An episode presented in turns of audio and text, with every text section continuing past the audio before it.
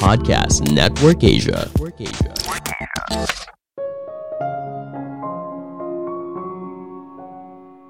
Punya banyak pilihan belum tentu hidup kamu akan bahagia.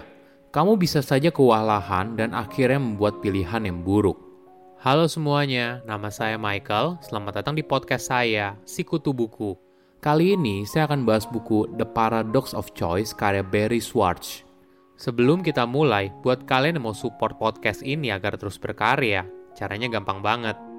Kalian cukup klik follow Dukungan kalian membantu banget supaya kita bisa rutin posting dan bersama-sama belajar di podcast ini.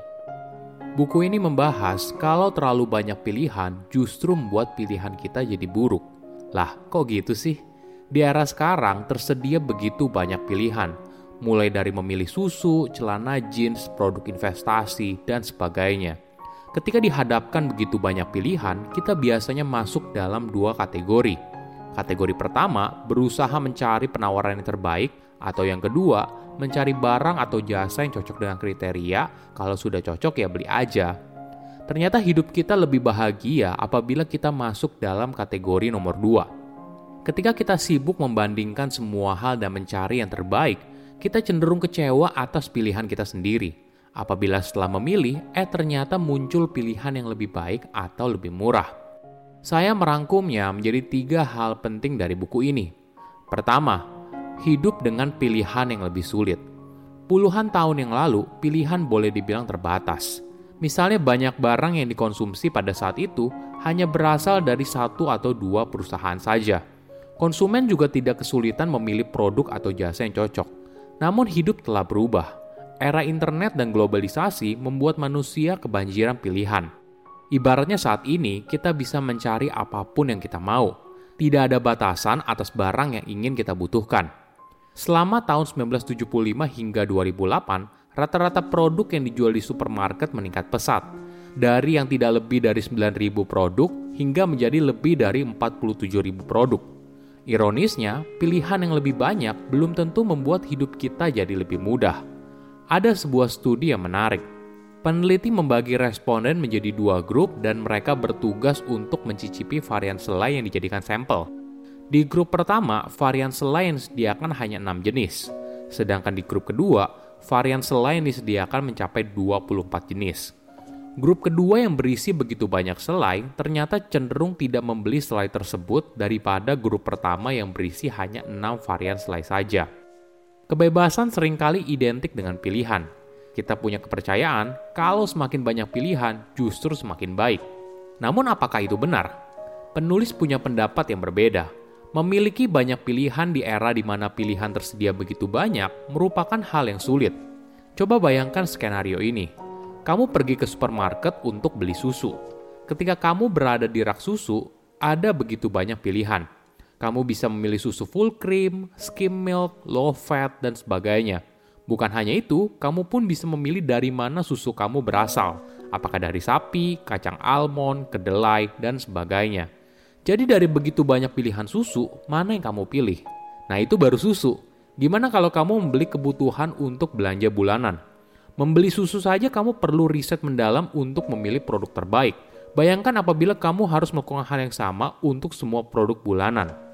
Nah, ini yang menyebabkan pilihan yang terlalu banyak sering kali membuat seseorang jadi kewalahan.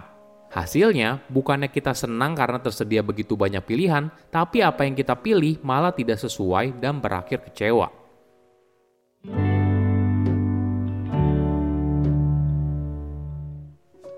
Kedua, tidak puas atas pilihan sendiri. Kenapa pilihan semakin banyak, kita justru semakin tidak bahagia? Mungkin untuk lebih memahaminya, coba bayangkan skenario ini. Kamu ingin liburan, mana yang kamu pilih? Liburan ke pantai, glamping, mendaki gunung, atau hanya staycation?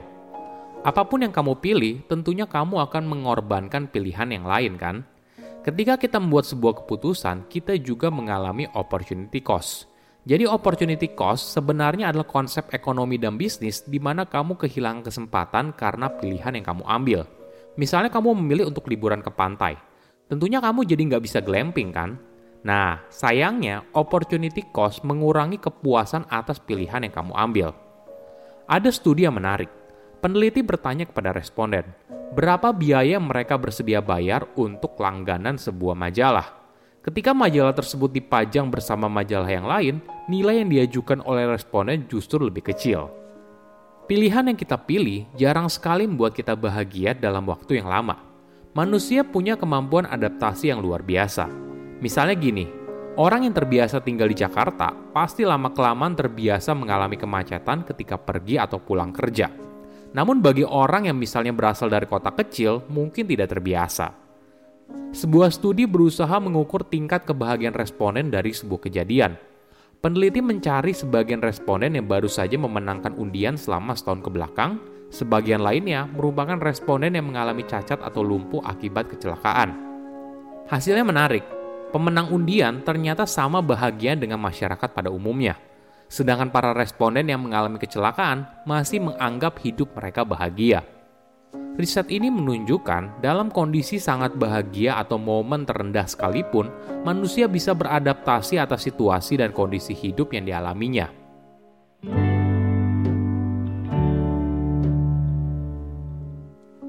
Ketiga, cara memilih yang benar. Apakah kamu tipe orang yang berusaha mencari pilihan terbaik atau yang penting oke okay lah? Jika kamu berusaha mencari yang terbaik, kamu mungkin tergolong sebagai maximizer kamu berusaha untuk mendapatkan penawaran terbaik, jadi kamu akan mencari semua alternatif yang ada, membandingkannya satu persatu hanya untuk meyakinkan diri kalau pilihan itu merupakan yang terbaik. Sebuah studi menemukan ketika seorang maximizer dihadapkan pada sebuah pilihan, maka selain berusaha membandingkannya satu persatu, orang tersebut juga membayangkan sebuah alternatif yang tidak masuk akal. Contohnya gini, seorang maximizer dihadapkan pada pilihan sweater dengan bahan kasmir yang mewah dan sweater yang lebih murah. Orang tersebut lalu membayangkan ada sweater dengan bahan kasmir yang harganya murah. Tentunya hal ini sangat sulit kan, karena bahan kasmir sendiri merupakan bahan kain yang premium. Bahkan ketika seorang maximizer akhirnya berhasil menemukan yang terbaik, orang tersebut akan mudah kecewa atas pilihannya sendiri. Misalnya tiba-tiba saja ada barang yang harganya sedikit lebih murah, Hal ini langsung membuat orang tersebut menyalahkan dirinya dan merasa kenapa kurang teliti ya. Namun perlu dipahami, era di mana terdapat pilihan yang tidak terbatas, memilih merupakan sebuah pekerjaan yang melelahkan. Bagaimana bila kamu menjadi orang dengan tipe kedua? Penulis menyebutnya adalah satisficers. Orang ini punya moto, baik saja sudah cukup. Jadi, satisficer tidak berusaha untuk mencari penawaran terbaik, namun punya standar dalam memilih sesuatu. Fokusnya tidak lagi mencari yang terbaik, tapi mencari barang atau jasa yang sesuai dengan kriteria. Kalau sudah ketemu, ya udah berhenti aja sampai di sana. Misalnya gini, seorang satisficer sedang mencari sebuah sweater. Maka sweater pertama yang sesuai dengan kriteria, itulah yang dipilih.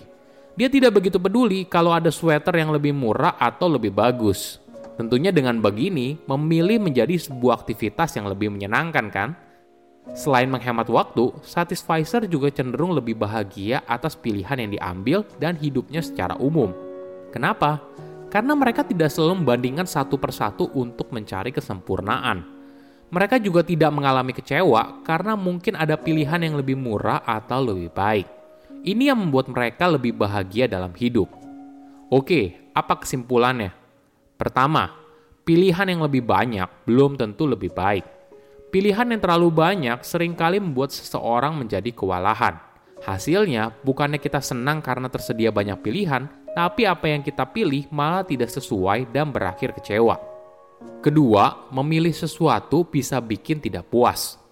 Ketika kita membuat sebuah keputusan, kita juga mengalami opportunity cost. Jadi opportunity cost sebenarnya adalah konsep ekonomi dan bisnis di mana kamu kehilangan kesempatan karena pilihan yang kamu ambil. Ketiga, baik saja sudah cukup. Kita tidak perlu sibuk membandingkan semua hal dan mencari yang terbaik. Namun fokus membuat standar dalam memilih sesuatu. Fokusnya tidak lagi mencari yang terbaik, tapi mencari barang atau jasa yang sesuai dengan kriteria. Kalau sudah ketemu, ya udah berhenti sampai di sana. Saya undur diri, jangan lupa follow podcast Sikutu Buku. Bye-bye.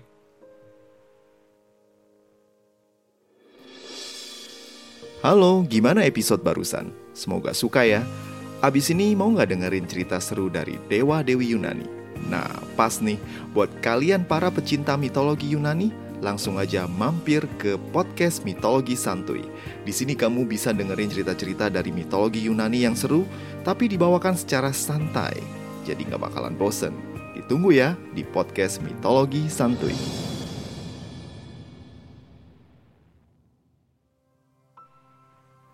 Pandangan dan opini yang disampaikan oleh kreator podcast, host, dan tamu tidak mencerminkan kebijakan resmi dan bagian dari podcast Network Asia. Setiap konten yang disampaikan mereka di dalam podcast adalah opini mereka sendiri dan tidak bermaksud untuk merugikan agama, grup etnik, perkumpulan, organisasi, perusahaan, perorangan, atau siapa pun dan apa pun.